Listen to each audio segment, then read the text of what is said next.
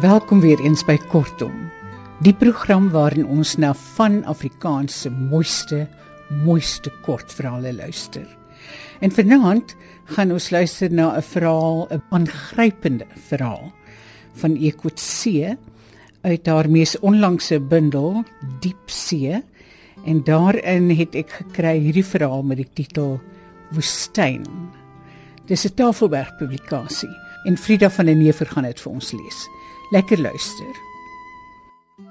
Die twee mense het die vreemde ingetrek sonder om te weet waarheen hulle op pad is. Hul bestemming is nie op die landkaart aangeteken nie. Voor die kompanjie en die fabriek se tyd was die kraanse bloot 'n landmerk vir kreefvangers aan die rotsagtige kus.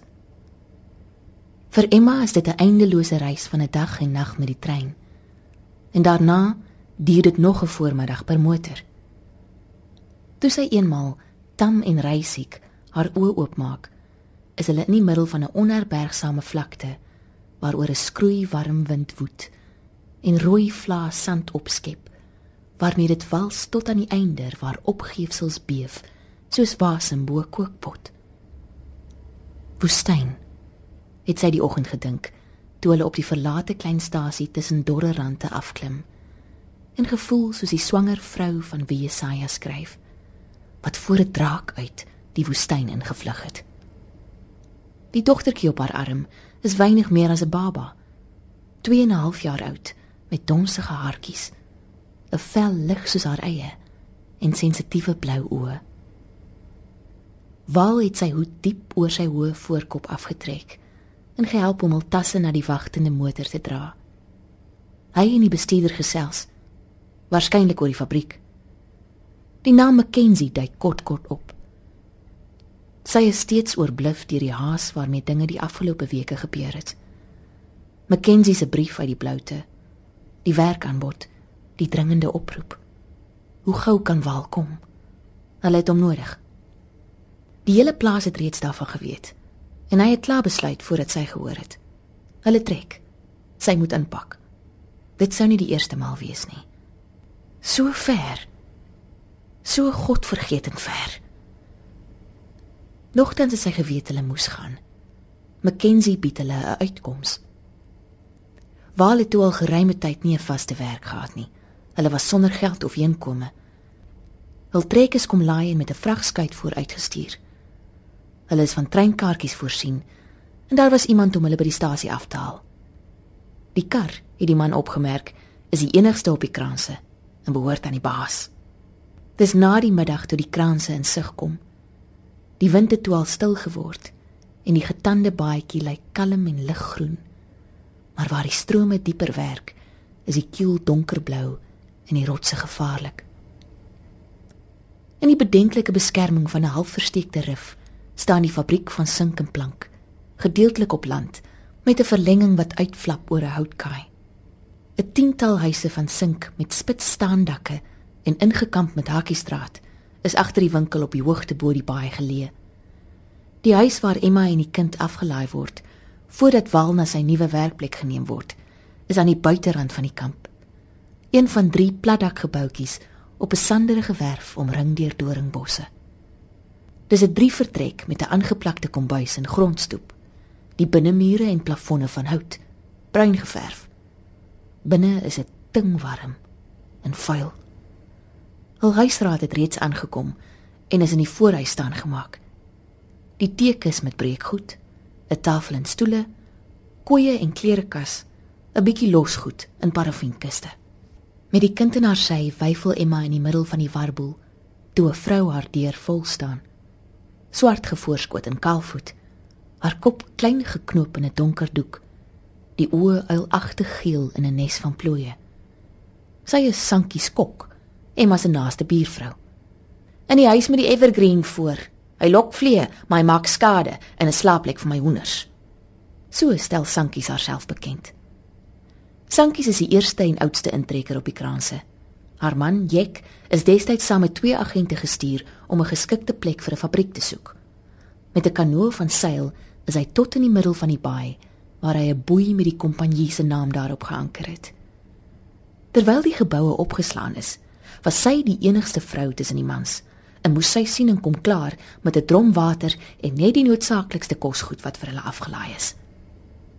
In dieselfde asem waarmee sy Emma laat verstaan dat swaar kry haar voorland is, bied Sankies aan dat sy melk by haar kan kry en botter en mis om haar stoep te smeer. Sy hou nie net hoenders aan nie, maar ook 'n koei en 'n vark wat sy met kombuisafval voer, van broodkrummels tot vleiswater. Met Sankie se hulp is die meubels min of meer reggeskuif toe Waal later vergesel van die Mackenzies terugkom. Emma het 'n kamer skoon waarin hulle kan slaap. En vir Mackenzie en sy vrou kan sy 'n stoel aanbied wat hulle bedank. Hulle het net kom groet voordat hulle vir hul aandwandeling gaan. Mevrou in sagte wit skoene huiwer op die drempel. Mackenzie, 'n groot teddybeer van 'n man met 'n rooi snor, wil van Emma weet of sy tevrede is. Ja, dankie.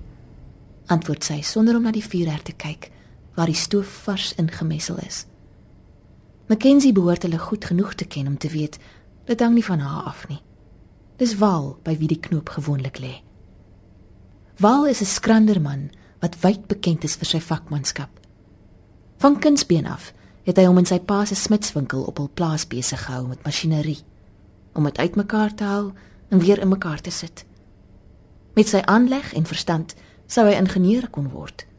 Maar hy het verkies om as ongeskoolde werker by die fabrieke te begin. Daar het hy met Mackenzie kennis gemaak en hom laat ompraat om as deeltydse student by 'n tegniese kollege in te skryf en sy diploma te behaal. Die twee mans was 'n span totdat die kompanjie die ouer man bestuurder gemaak het van die kraansfabriek. Toe Mackenzie gaan, het Wal die werk bedank en ook geloop. Hy is bekend daarvoor dat hy nie lank op een plek bly nie. Dat hy soos 'n voël is wat in die vlei lande gaan sit waar die kos volop is, waar hy dan genoeg inneem om terug te vlieg na sy broeiplek. In hulle geval is dit die familieplaas waar sy mense hom ontvang, maar glad nie vir haar en die kind nie. Uit die nederige verblyf buite die ringmuur van die opstal is sy ingeroep na die groot huis om te help skoonmaak en bak wanneer die koek dan uitgekeer staan op die spenstafel, deel die ou dame met die knypbril laag op haar neus rantsoen uit oor die onderdeur vir die skoondogter wat haar lelik misgis as sy hoop om eendag daar nooit te speel. Al was Waal ook 'n boer, wat hy nie is nie. Selfs nadat sy die vensters oopgegooi het, is dit moeilik om te slaap. Al drie stuks lê ingeryg op die groot kooi. Sy en Waal met die kleintjie tussen hulle. Emma is dit nie meer gewoond om saam met Waal in een kamer op dieselfde bed te slaap nie. Op die plaas trek hy by sy broer in wat nie getroud is nie.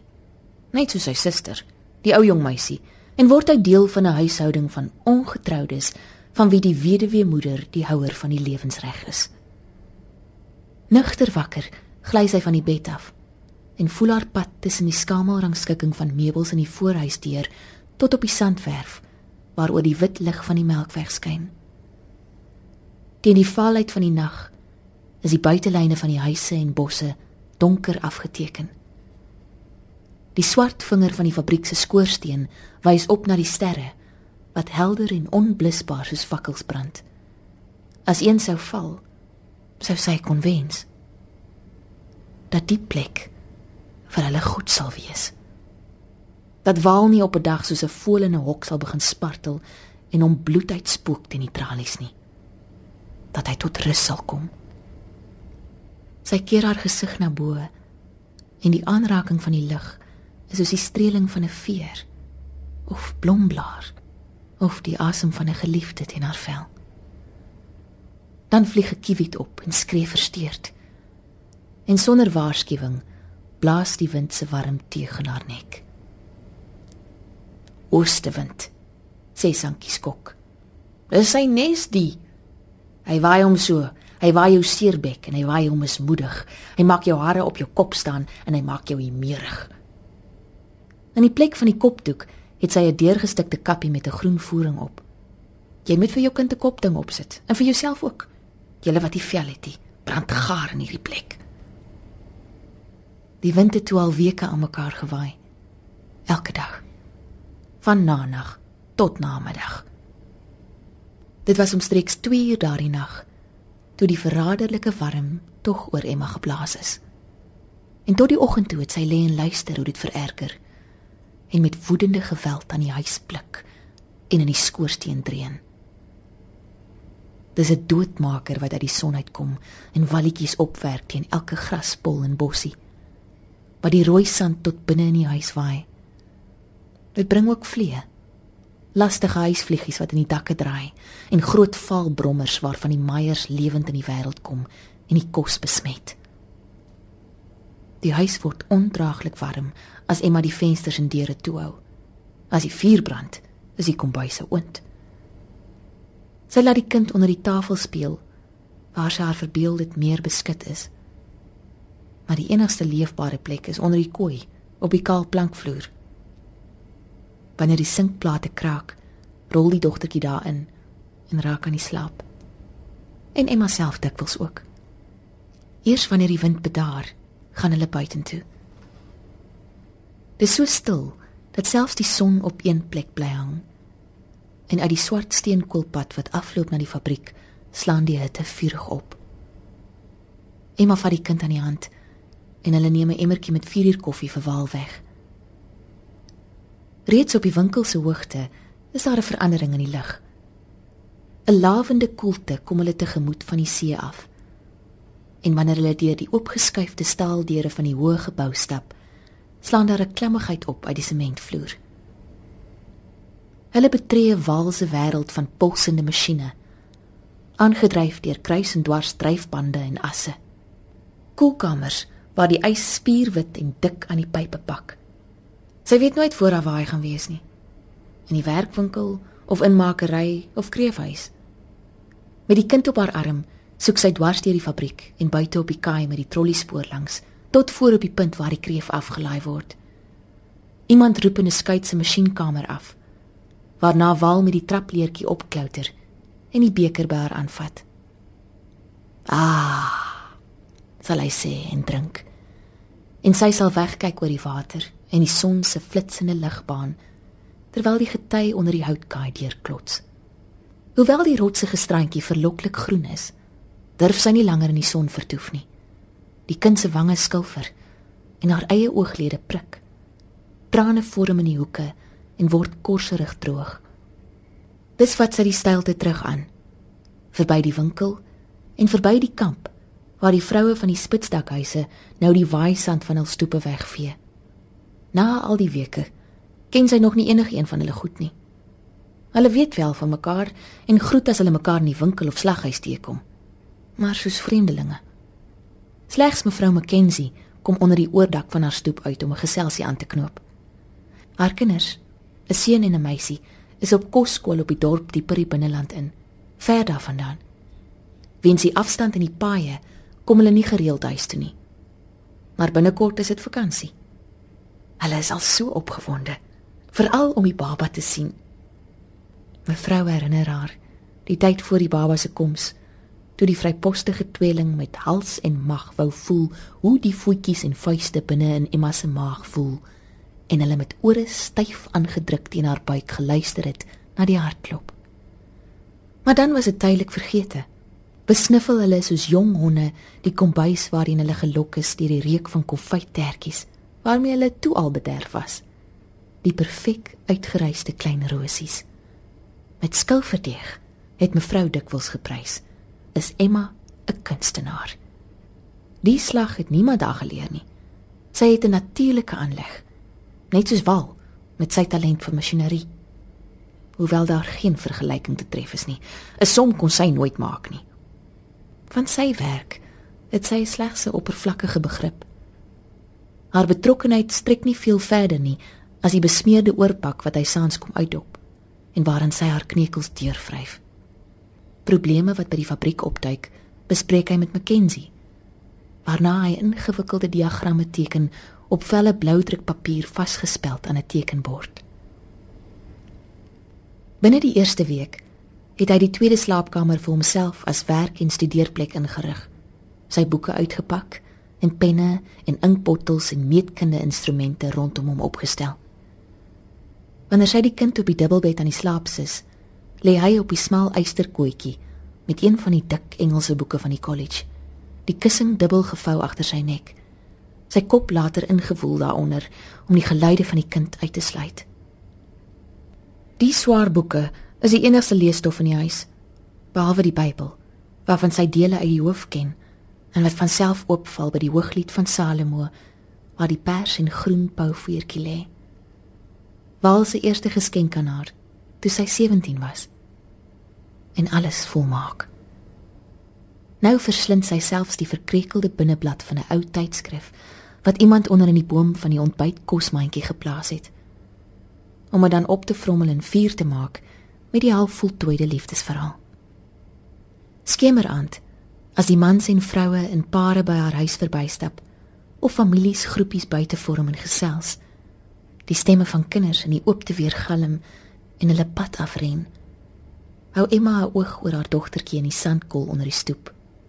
Altyd op haar hoede vir skerpioene of oorkruipers en koringkrieke. Gedagtig daaraan dat die dokter ver is. Die sankie skok, wie se ou man weg is op 'n kreefskuit, kus op wat sonder vrees vir dorings of gifgoed kaalvoet deur die opening tussen die bosse kom om Emma geselskap te hou. Dis sy wat Emma touwys gemaak het daar in die begin. Haar vertel het hoe laat die visbakkies agtermiddag uitkom, by wie sy moet koop wat nie die vel van haar ore sal trek nie dat die poskar ook maandag groente van die rivier af saambring. Dat sy Vrydag, wanneer daar geslag word, niertjies en lewer vars van die slagbank kan koop. Van tyd tot tyd dra sy 'n paar hoendereiers toegevou in haar voorskot aan of 'n bekertjie karringmelk. Die aand is dit 'n stuk botter onder 'n klamdoek vir die handtertjies wat mevrou McKenzie gevra het Emma moet bak. Dit sal in die nag moet geskied, want tertdeeg wil koel te hê. Sy sal in die voorhuis moet werk voordat die wind opkom en die teeg uitbraai. Met albei hande vee sy oor haar gesig en oor haar skrynerige dik geswelde ooglede. Sankie het dit toe reeds opgemerk. Haar eilagtige oë het geel sirkels om die pupille. Het jy alweer geskree? Van die lende sou Emma kon huil. Daardie nag het sy wakker geword van 'n pyn in haar oë wat haar blindelings na die vuurhoutjies in die plakker laat voel het. Sy was toe reeds gewoond aan die krapperige oogballe wanneer die wind fyn stof opwerk. Maar die nag is hulle so toegewas dat sy hulle met nigter spieg moes nat maak om te kan sien. Sankie het haar brilglase aan haar grou flennie onderrok afgevryf en weer gekyk. Die keer binne by kerslig. Dis seer oog wat jy het, mens. As jou kleinkind nou nog luier gedra het, kon jy hulle met 'n pisdoek uitgevee het. Die naasbeste is soutwater. Toe sy ingepak het, het Emma aan haar kind gedink en haar huisapteek ingerig met middelsteen maagkrampe en kroep en tandesproei. Sy gaan skep die seewater, doop stukkies watte daarin en dep die etter uit haar ooghoeke. Sankies kom drup kasterolie in. Dit maak koel, maar nie gesond nie. Hulle probeer borassic lint en koeksoda en dan bossie goed. Kiesieblaar help vir seer oë. Maar sy tyd is verby. Die aftreksel van taaibosblare kan jy ook probeer as jy het of die sap van suidissel. Jantjie Berend se bos. Vinkel. Hulle laaf haar oë met 'n warm kompres van vinkelsaad tussen lappies. Dan is die rate heeltemal op. Hoekom laat jy net McKenzie vir jou iets van die dorp af saambring as hy die kinders gaan haal nie? gee sankies aan die hand. Doktersmedisyne. Emma het 'n briefie gestuur. Dit duur 'n hele voormiddag daarheen en nog 'n halwe dag terug en word die langste wag van haar lewe. Na die middag, nadat sy die kind aan die slaap gewieg het, bly sy ook lê en kan haar kop skaars oplig toe kardeure klap en die voordeur oopgaan. Die McKenzie kinders het nog niks verander nie. Emma! Emmy! roep hulle met stemme uitgerek en skerp soos treinvletjies. Hul skoene dawer oor die vloerplanke. Alwaaraan hulle dink, is sjokoladekoek en 'n moontlike nuwe speelding. Hulle storm op die kamer af en die bed waar die kind begin huil het. Steek dan vas toe hulle haar in die skemer sien op 'n hoopie gekrul. Is jy siek? Selfs toe Emma die baba verwag het, het sy nooit gaan lê nie en kon hulle reken op iets lekkers in die koekblik. Ja fluister sy nou. My oë. En kyk verby hul beteterde gesigte na Mackenzie. Het jy my medisyne gebring? Aan die manier waarop sy hand na sy baadjie sak gaan en vroetel en leegte voorskyn kom, weet sy hy het nie. Toe hy vergeet, mompel en sy kop laat sak, voel dit vir haar sy kan dwars deur die kooi sit. Niks wat sy in haar lewe teergemaak het, was erger as haar seer oë nie. As kind was sy nooit sterk nie. Sy het wurms gehad en eenmal 'n lintwurm waarvoor hulle haar Stockholm teer saam met 'n rosientjie ingegee het. Selfs as sy leeg gebraak agter 'n bos gelê het, het sy nie so na aan dood gaan gekom nie. En die pynlike geboorte van haar baba wat sy deurgemaak het met die bystand van 'n ou vrou terwyl Waal God weet waar aan 'n dorsmasjien gewerk het en sy gesmag het dat hy haar moet vashou, het haar nie so verlore laat voel nie. Sy het nooit regtig iemand gehad nie. Toe sy 6 was, is sy van haar susters geskei om by ander mense te bly, om 'n maat te wees vir 'n niggie. Hande gestuur dingetjie later. Onmisbare diensmeisie. En wie Waal belangstel. Die knap klein kerel wat laat kom as toe die klavier se pedaal breek, wie se hande vir niks verkeerd staan nie. 'n Aantreklike man en 'n inkennige geaardheid. 'n Randeier wat nie dans nie, maar tog by is en al hoe meer by totdat die mense haar begin terg. Jy moet oppas, ken jy vir moeder? Sy ma het sy nie te sien gekry met die eerste kuierslag nie. Die voordeur is nooit vir hulle oopgemaak nie. Hulle is op die stoep ontvang waar sy suster later vir die meisies elkeen 'n glas melk op 'n skinkbord aangebied het. Die jong mans het nadat hulle die perde versorg het, omgestap buitekamer toe om te rook en dambord te speel. Sy moes toe geweet het wat om te verwag. 'n Vrot vryer. Dis hoe sy ma hom grootgemaak het. Terwyl die inflammasie haar oë opvreet, beteken hy vir haar niks. Selfs die kind kan hy nie hanteer nie. Hy het nooit die slag aangeleer om sy eie dogter vas te hou nie. Slegs wanneer hy met 'n stuk staal te doen het, is daar gevoeligheid in sy vingerpunte. 'n Godverlatenheid bekruip haar.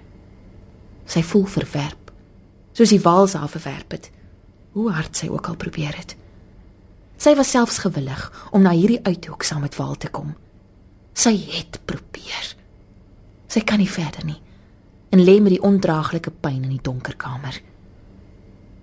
Sonder dat sy dit weet, het die nuus van haar siekte tog versprei.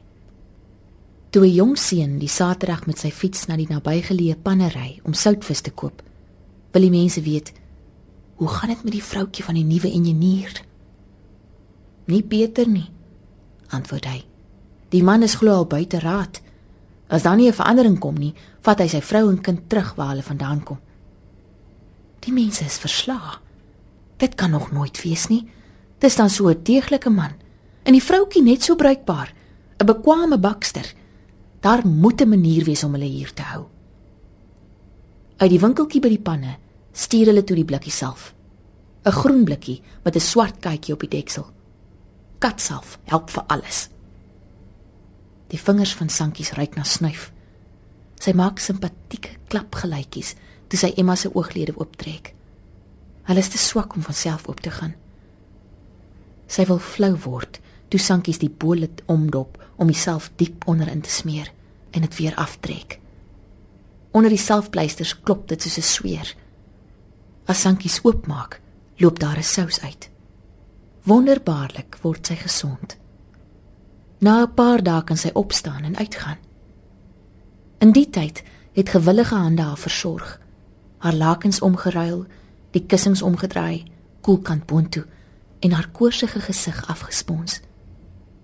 Nie net Sankie skok nie, maar ook die vroue van die kamp het daagliks hulp aangebied. In haar tyd van nood het hulle om haar saamgeskaar en haar versorg. Met oë wat nooit weer dieselfde sal wees nie, kyk Emma om haar heen. Haar kind sit gerus in die holte van 'n vreemde skoot met 'n teddybeer wat die Mackenzie kinders ontgroei het. Haar gesiggie, blink gesmeer met bokvet, is omraam deur die rand van 'n diep bol kappie met 'n deurgestikte groen voering. Die vloer van die kombuis is spierwit geskrob. Die vuurherd nuut afgeklei, die misstoep vars gesmeer. Daar is vis en brood op tafel.